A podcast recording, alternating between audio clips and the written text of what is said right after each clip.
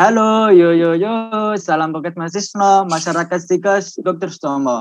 Assalamualaikum warahmatullahi wabarakatuh. Uh, halo teman-teman semua, kali ini di episode sekarang uh, tentunya nggak kalah menarik bahasnya di episode sebelumnya dan masih bersama saya lagi uh, walaupun podcast ini podcast ini masih online tapi kalian juga harus jaga kesehatan dan patuhi protokol kesehatan. Benar nggak Andin? Betul banget tuh. Teman-teman, kali ini kita bakalan out of topic dan gak kalah seru sama podcast-podcast sebelumnya dong. Nah, kali ini kita akan membahas mahasiswa kupu-kupu versus mahasiswa kura-kura dan lebih penting organisasi atau akademik nih. Tapi sebelum itu, uh, kita kan kedatangan narasumber-narasumber yang udah ngadeng-ngadeng dan ceria-ceria banget. Tepuk tangan dulu dong buat narasumbernya dulu. Uh, kita kedatangan Damas Fardan dan juga Mas Agung. Siapa dulu yang mau perkenalan nih? Dari Mas Fardan dulu ya. Ya. Ya. Uh, sebelumnya, Assalamualaikum warahmatullahi wabarakatuh. Terima kasih sudah mengundang saya. Nama saya Fardan Imani dari Prodi D3 RMIK semester 3. Tepuk tangan dong buat Mas Fardan. Udah menyempatkan diri uh, untuk podcast kali ini. Pasti kalian semua pasti tahu dong Mas Fardan ini siapa. Dan pasti uh, dan buat Mas Agung perkenalan, pastinya ada yang belum kenal nih, belum kenal banget sama Mas Agung. Uh, baik, uh, terima kasih atas waktunya. Uh, perkenalkan nama nama saya Igusti Prodi D3 Rekam Medis bisa dipanggil Agung. Halo Mas Agung, sehat-sehat ya? Ya, sehat. Alhamdulillah. Jadi gimana ini Andin? Nah, sebelum kita membahas lebih lanjut, apa itu mahasiswa kupu-kupu dan mahasiswa kura-kura, sebelumnya saya mau menjelaskan terlebih dahulu apa sih itu mahasiswa kupu-kupu.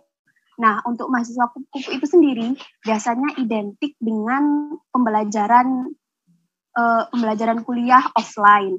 Nah, mahasiswa ini biasanya setelah atau sehabis uh, mata kuliah mereka langsung pulang dan tidak menghabiskan waktu di kampus. Dan untuk mahasiswa kura-kura sendiri, ini tuh biasanya identik dengan mahasiswa yang gemar berorganisasi. Nah, mahasiswa kura-kura ini biasanya sering-sering menghabiskan waktu di kampus nih. Mumpung ada narasumber-narasumber yang ceria-ceria banget hari ini, uh, buat kedua narasumber nih, aku ingin nanya, kalian lebih uh, kakak-kakak ini lebih suka mahasiswa menjadi mahasiswa kupu-kupu atau kura-kura? Bisa dimulai dari Mas Agung dulu. Uh, baik, kalau saya disuruh milih uh, lebih senang dari jadi mahasiswa kupu-kupu atau kura-kura, pasti keduanya tuh menarik ya karena Benar. kalau kita bisa jadi keduanya gitu loh kenapa nggak bisa kan misalnya e, dari semester satu kita bisa jadi mahasiswa kura-kura terus e, semester mungkin semester dekat dengan kelulusan mungkin kita menjadi mahasiswa kupu-kupu semua itu e, menurut saya itu sama saja ya e, mas baik itu mungkin mau jadi mahasiswa kura-kura dan kupu-kupu itu memiliki maksudnya memiliki juga baik, gak ada gak ada bedanya juga, sama juga, gak ada buruk, gak ada baiknya. Menurut saya tuh semuanya tuh bisa kan, jadi mahasiswa kupu-kupu juga bisa, jadi mahasiswa kura-kura juga bisa. Mungkin itu dari jawaban dari saya. Dan buat Mas Fardan sendiri gimana tentang mahasiswa kupu-kupu atau menjadi kura-kura? Uh, ya, sebenarnya ketuanya ketuanya nggak ada bedanya sama-sama hewannya ya di satu tujuan tertentu dan pastinya di organisasi itu punya sistematis atau cara kerja yang tersusun mulai dari pemimpin dan bawah-bawahannya itu mungkin mempunyai job testnya masing-masing tapi tetap tujuan yang sama si Nah untuk Kak Agung sendiri gimana nih Kak? Oke, okay, uh, eh, yang dikatakan Pak Tadu benar ya organisasi itu saya pribadi sebuah, sebuah wadah bahwa wadah yang perkumpulan lebih mungkin lebih dari dua orang berkumpul yang memiliki tujuan bersama. Nah di menurut saya juga organisasi itu di mana kita bisa mencari pengembangan diri diri sendiri gimana caranya kita bisa berkembang gimana caranya kita ber, bisa berkomunikasi dengan teman bagaimana caranya kita bisa melakukan koordinasi mungkin itu uh, arti organisasi menurut saya pribadi uh, kalau bisa disimpulkan uh, arti organisasi itu kayak semacam keluarga baru lah buat kita ya, kan. Ya benar, kayak seperti itu. Ya boleh, itu juga boleh. Dan uh, aku punya pertanyaan nih uh, buat kakak-kakaknya. Kalau nggak ada kelas offline, apa sih kegiatan yang dilakuin dilakuin buat kakak? Dilakukan uh, sama kakak-kakak ini? yang dilakukan kita waktu kita ada kelas offline gitu. Mm -hmm. Selama tidak ada kelas gitu. Oh, selama tidak ada kelas gitu. Dari saya dulu ya. Mungkin dari saya ya gitu kan. Saya di sini sebagai pihak yang kura-kura ya, kayak yeah, yang organisasi benar. ya mungkin disibukkan dengan waktu berorganisasi lalu refreshing dengan teman-teman ya nggak jauh-jauh dari itu intinya lumayan banyak kegiatan itu saya. Kalau Mas Martin kan udah banyak kegiatan.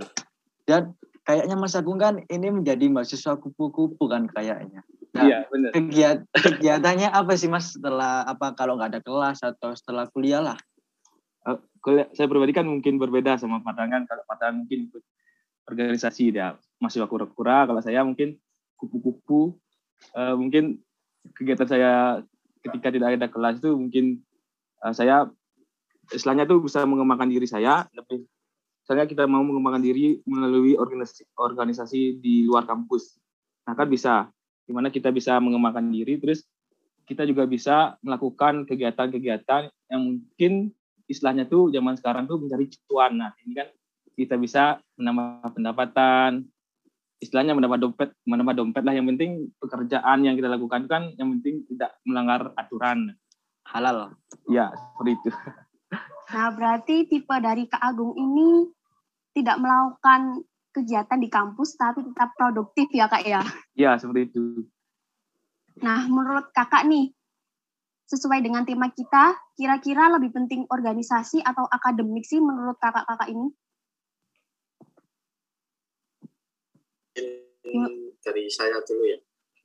Ya, boleh. jawab ini uh, menurut saya dari sudut pandang saya untuk akademik atau organisasi, saya rasa akademik harus di atas segala-galanya.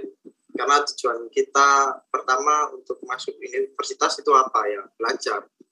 Kan organisasi itu hanya istilahnya selingan, kayak set job gitu job sampingan kita, hobi kita menyalurkan hobi kita gitu kan. Jadi ya meskipun saya di sini sebagai perwakilan mahasiswa kura-kura ya, tetap itu kewajiban kalian buat belajar. Harus mengutamakan akademik tanpa harus meninggalkan tanggung jawab di organisasi. Itu saya. Hmm. Nah, untuk Kak Agung sendiri gimana Kak Agung? Kalau saya dibilang lebih penting mana, uh, semuanya itu penting ya.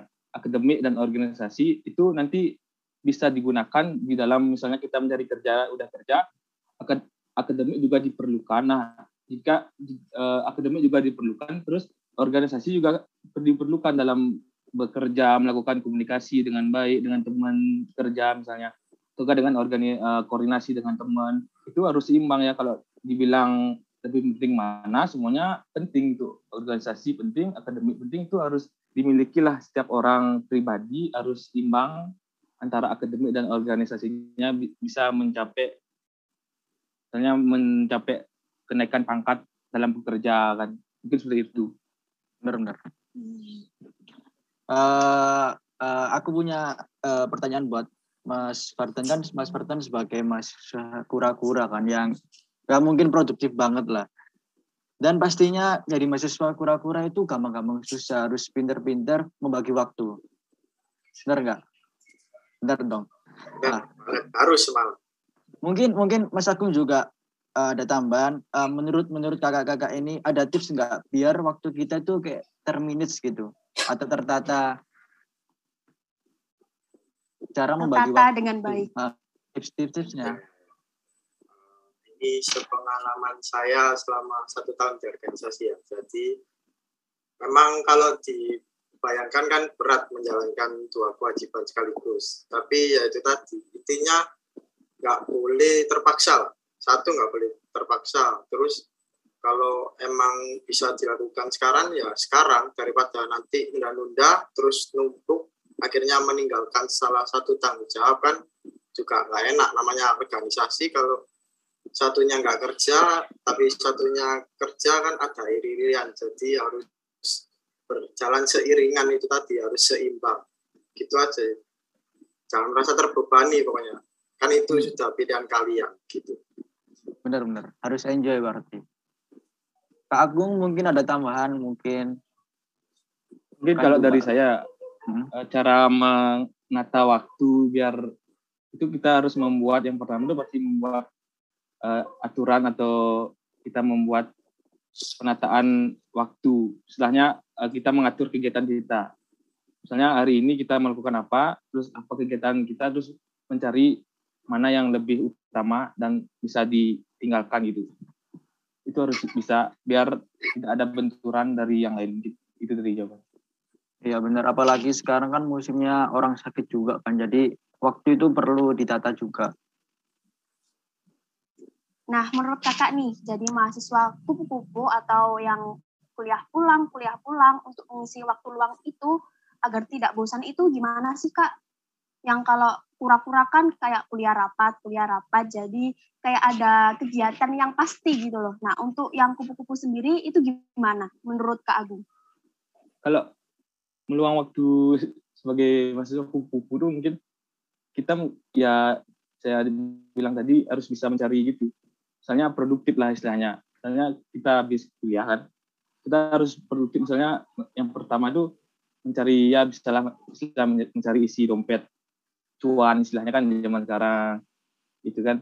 Terus eh, kedua kita bisa melakukan hal yang mungkin bisa berorganisasi di luar kampus. Kan juga kita juga nambah teman di luar kampus banyak juga. Terus mencari pengalaman terus meningkatkan hobi itu kan. Atau skill kita mungkin itu kegiatan. Hmm, untuk Fa- Kak Fardan sendiri gimana nih Kak? mungkin saya mau menambahkan sedikit ya. Mungkin untuk dibandingkan keduanya harusnya nggak perlu dibandingkan sih. Bukan berarti yang si kupu-kupu atau istilahnya kutu buku itu nggak bukan berarti mereka nggak bahwasanya nggak luas gitu bukan anak yang kreatif bukan berarti gitu. Bukan berarti nggak mereka nggak ikut organisasi mereka anak yang diem-diem aja nggak harus dirubah lah pola pikirnya sekarang. Setiap orang punya tempatnya ma- tempatnya masing-masing untuk berkembang. Benar, wawasan dan ilmu itu nggak harus didapat dari organisasi dari luar juga banyak pengalaman-pengalaman gitu.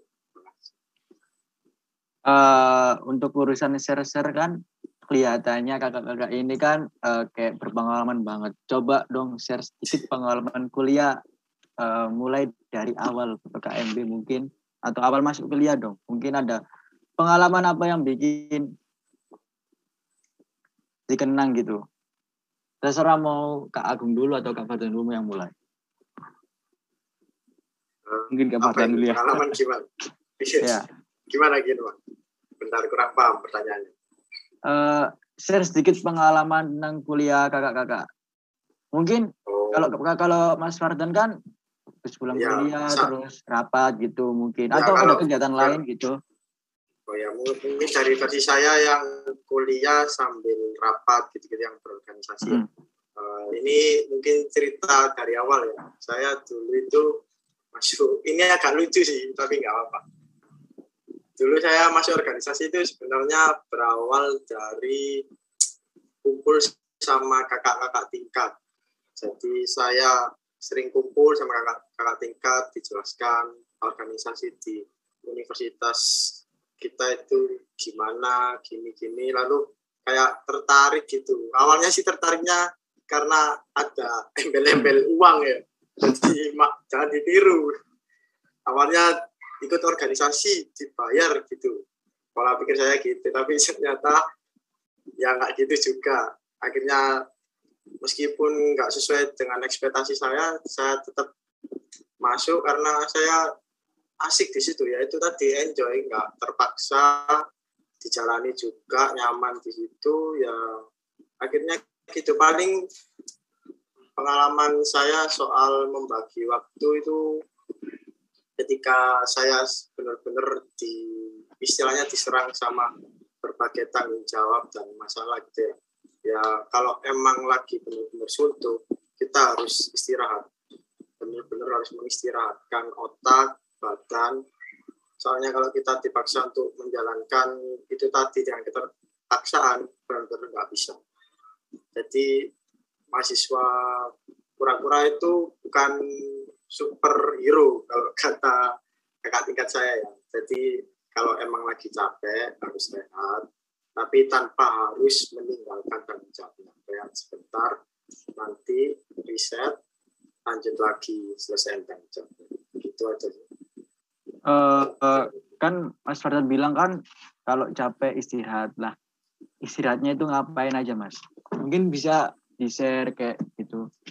Ya, bisa aja. Mungkin. Healing ya mungkin dari saya ya itu tadi ngegame atau kalau punya pacar ya keluar sama ceweknya itu istilahnya menghilangkan penat di luar organisasi dan kuliah lah pokoknya menjauhi dua itu dulu baru bisa lanjut lagi nanti gitu.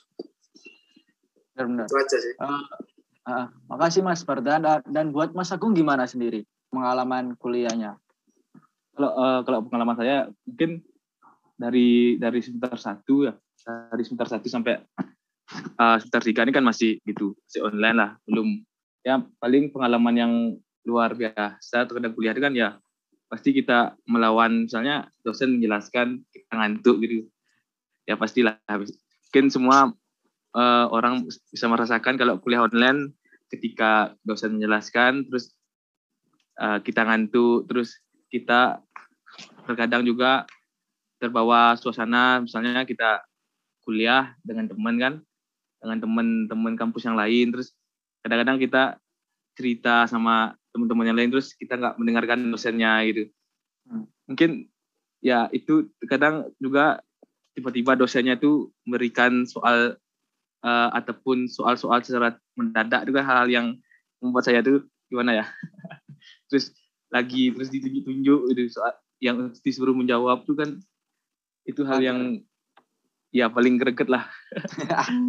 Nggak tahu apa terus ditunjuk jawab kan nah mungkin itu pengalaman saya mungkin karena nggak belum offline lah kan. Belum tahu rasanya gimana di kampus. Terus kan masih dari semester satu sampai sekarang masih online. Mungkin itu pengalaman yang saya ya, saya semoga, rasakan. ya semoga tahun atau bulan depan kita bisa offline semua teman-teman. Ya, hmm. mudahan. Nah, menurut pandangan kakak nih, bagaimana sih mahasiswa kupu-kupu dan mahasiswa kura-kura itu uh, kayak sesuai dengan pengalaman yang kakak temui selama ini di kampus, di kampus kita? Dari Kak Agung dulu boleh? Oke, mungkin uh, menurut saya pribadi pengalaman uh, mahasiswa kupu-kupu sama kura-kura itu mungkin uh, beda ya. Mungkin jangan di, terlalu dibanding-bandingkan juga. Sebenarnya tuh kupu-kupu dan kura-kura itu sama istilahnya. Nah, tergantung kita sendiri. Kita mau memilih mana. Mau, jadi, mau menjadi mahasiswa kura-kura atau mau menjadi, mau menjadi mahasiswa kupu-kupu. Tergantung dari diri sendiri. Terus tidak ada tidak bagusnya semua. Menurut saya itu bagus kan. Mahasiswa kupu-kupu juga bagus, kura-kura juga bagus. Di mana kalau misalnya kita memiliki pengen jadi mahasiswa pura-pura kita banyak mungkin banyak teman di lingkungan kampus terus kita mengetahui bagaimana caranya organisasi di kampus. Terus kalau misalnya kalau mau jadi mahasiswa kupu kan mungkin bisa istilahnya lah bisa misalnya habis pulang kuliah bisa mengembangkan diri di luar misalnya di luar skill kita. Mungkin yang suka fotografer mungkin bisa latihan terus kalau misalnya suka bekerja itu kan bisa juga kita lakukan. Terus hal-hal yang mungkin ya mungkin produktivitas kita sendiri di luar kampus. Mungkin menurut saya sih kupu-kupu kura-kura itu sama ya. Jangan dibandingkan dan tujuannya juga menurut saya itu sama. Tergantung dari diri sendiri terus lebih memilih ke mana terus kepentingannya di mana. Mungkin itu menurut saya pribadi. Benar benar untuk Kak Fardan sendiri gimana Kak? Ya, sama seperti sebelumnya juga saya setuju juga sama aku. Mungkin untuk ketuanya itu nggak perlu ada dibanding-bandingkan atau di kalah menangin atau ya memang setiap orang punya versi unggulnya masing-masing kayak aku ikut organisasi gini enak gini gini tapi bukan belum tentu yang nggak ikut organisasi nggak ada enaknya itu. Ya itu itu semua tadi kayak pilihan bener.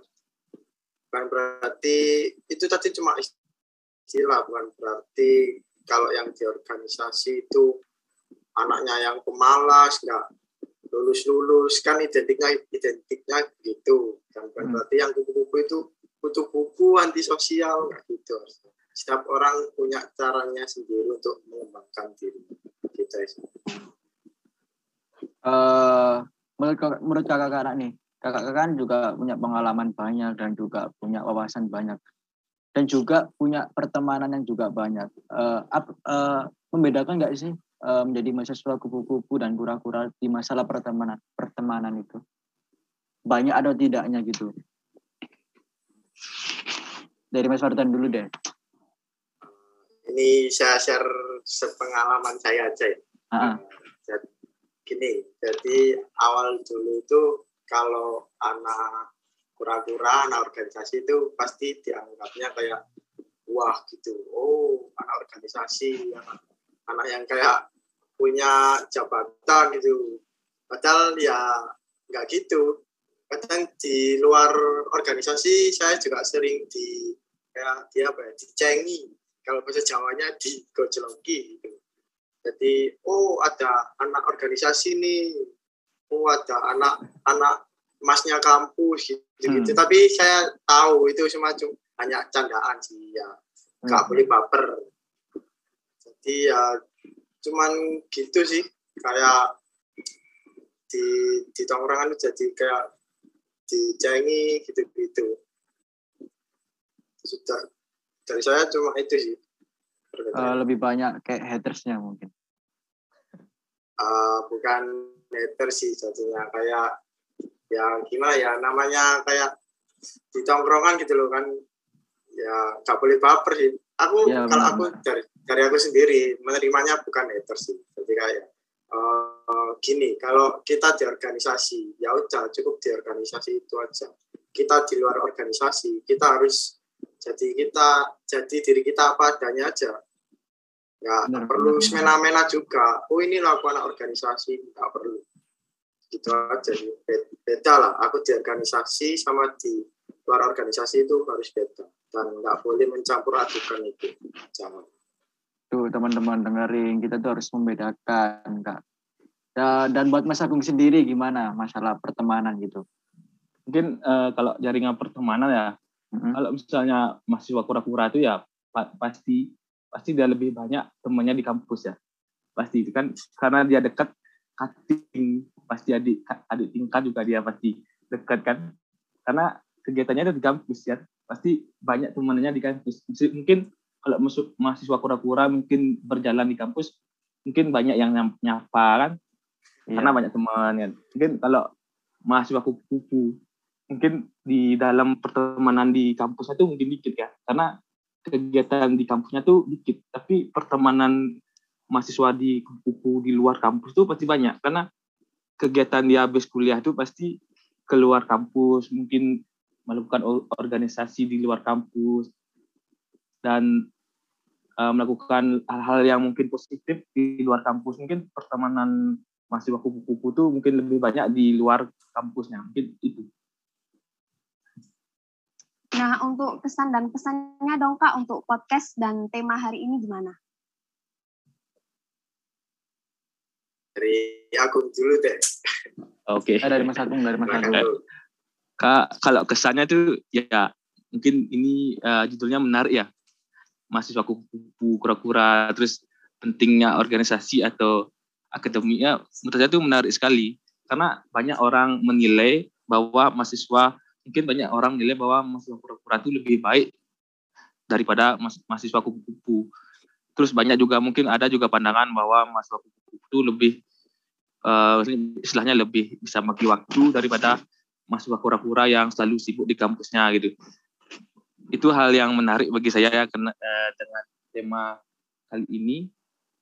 Hal yang sangat saya itu sangat uh, menarik sekali dan berkesan bagi saya karena bisa kita berdiskusi, bersharing sama Mas Partan juga sharing tentang Mas Baku Buku dan Pura Mungkin itu. Dari Mas Fardan, gimana? Ya, dari saya itu tadi sih. Uh, tema kali ini tuh sebenarnya sederhana, cuman kompleks gitu. Kayak selalu jadi bahasan di setiap organisasi gitu oh si kupu-kupu si kura-kura. Pasti gitu. Pasti ada dan uh, mindset pola pikir setiap orang itu pasti ada yang negatif ke si kupu-kupu ada yang negatif ke si kura-kura itu pasti aja. Pasti ada. Namanya juga orang kan ya. Ya itu tadi. Di sini juga jadi pembuktian kan? Bukan berarti kalau saya kura-kura agung kupu-kupu harus musuhan. Enggak dan iya, aku bener, sendiri bener. juga misalnya ternyata luas kan ya, nggak harus organisasi bukan berarti dia anti sosial atau cuman buku baca buku terus itu enggak. Jadi ya kita di sini itu kayak membahas ini mau mem mematahkan opini-opini yang nggak benar gitu. Ya, ya terbukti sekarang ini itu aja terima kasih. Tapi menurut saya kalau ada gitu apa apa? selain kura-kura dan kupu-kupu ada juga kuda-kuda mahasiswa yang kuda-kuda mungkin kuliah dagang dia di, di kampusnya. Ada juga kunang-kunang loh kak. Oh iya, apa itu? Lagi? kuliah nangis, kuliah nangis. di kebun binatang apa gimana ya? Tapi tepuk tangan dulu dong buat uh, narasumber kita hari ini udah punya wawasan yang luas, punya pengetahuan dan segalanya lah punya kayaknya. Tepuk tangan, tepuk tangan. Eh, menambahkan ya soal ya. wawasan tadi itu sebenarnya kita di sini juga sering belajar nggak ada apa wawasan itu datangnya ya dari pengalaman itu tadi banyak-banyak mau belajar bagaimana dia mengembangkan diri itu aja sih. Uh, untuk sebagai penutup episode sekarang nih kak, uh, buat motivasi buat para pendengar-pendengar kita hari ini. Nah, Kak Agung ini udah mulai-mulai ada kata-kata eh, senja Agung, kayaknya. Agung, Agung aja dulu. Agung kan anak Bali juga. Semangat banget kayaknya. Iya. Aku masih mi masih mikir tuh. Bantu aku mikir jawab dulu. Iya, baik. Mungkin uh, motivasi saya mungkin sedikit motivasi ya. Mungkin apa pun apa pun masalah yang Anda hadapi, apa pun rintangan yang Anda hadapi dan apa pun yang terjadi, tetaplah bernapas ya kalau kalian nggak bernapas ya mungkin kan keluar dari dunia ini. Pada intinya kan apa pun yang sekarang ini ada corona ada covid ada virus mungkin yang dan pandemi yang menyerang. Intinya itu tetaplah bernapas ya. Jangan nggak bernapas. Mungkin dari itu ya. Untuk Tetap bernafas walau tidak berguna. Iya benar sekali. Benar banget Andin, Andin, kamu ada motivasi nggak ya. buat dengar kita? Hmm, ada sih motivasi dari saya. Uh, ketika kamu memutuskan untuk menjadi mahasiswa, entah itu mahasiswa kupu-kupu, kura-kura, atau seperti yang dibilang ke Agung tadi, mahasiswa kuda-kuda, ada juga kunang-kunang, uh, kamu harus mempertanggungjawabkan gitu loh apa yang menjadi pilihanmu. Jadi entah itu kamu berkedok menjadi mahasiswa aktif atau pasif, uh, kamu harus menuntaskannya hingga selesai karena pilihanmu adalah tanggung jawabmu. Benar banget. Harga dulu. Harga, harga, harga, harga. Mas Fardan, Mas Fardan. Mas Fardan. Mas Fardan dulu, Mas Fardan dulu. Mas Fardan. Uh, ya, tak. Dari saya sudah nemu ini tadi mikir keluar waktu. Uh, mungkin nggak jauh, nggak nggak jauh-jauh dari tema kita ya. Uh, intinya semua itu bakal apa pun masalah apa pun bakal selesai kalau kita saling menghargai. Cobalah kalian memosisikan diri kalian di orang tersebut. Jangan asal menjudge atau memberi penilaian karena kita bukan Tuhan. Jadi jadilah diri jadilah diri kalian sendiri. Terima kasih. Benar benar benar banget. Uh, motivasi buat aku, dari aku sendiri mahasiswa kupu-kupu atau kura-kura itu sama aja. Uh, mungkin dari kalian punya pandangan berbeda, not, not, not problem sih, nggak masalah kalian punya pandangan berbeda. Tapi kita sebagai manusia itu sama-sama aja. Jadi don't just but eh, don't just by cover the book. Uh, sekian sekian dari episode sekarang. Mungkin uh, doa kita kita semoga bisa offline ya. Benar nggak? Iya, mudah karena karena kita ada pemberitahuan udah on mau offline tapi nyatanya om ada muncul om Trikon lagi yang bikin kita pusing lagi. Tapi nggak apa-apa selagi kita bisa memberikan pengetahuan dari online gini kita jangan putus semangat oke tetap tetap uh, di podcast Mas Tisno episode berikutnya Yo yo yo, salam buat Mas Tisno, masyarakat Stikes, Dokter Sutomo. Dadah. Wassalamualaikum warahmatullahi wabarakatuh.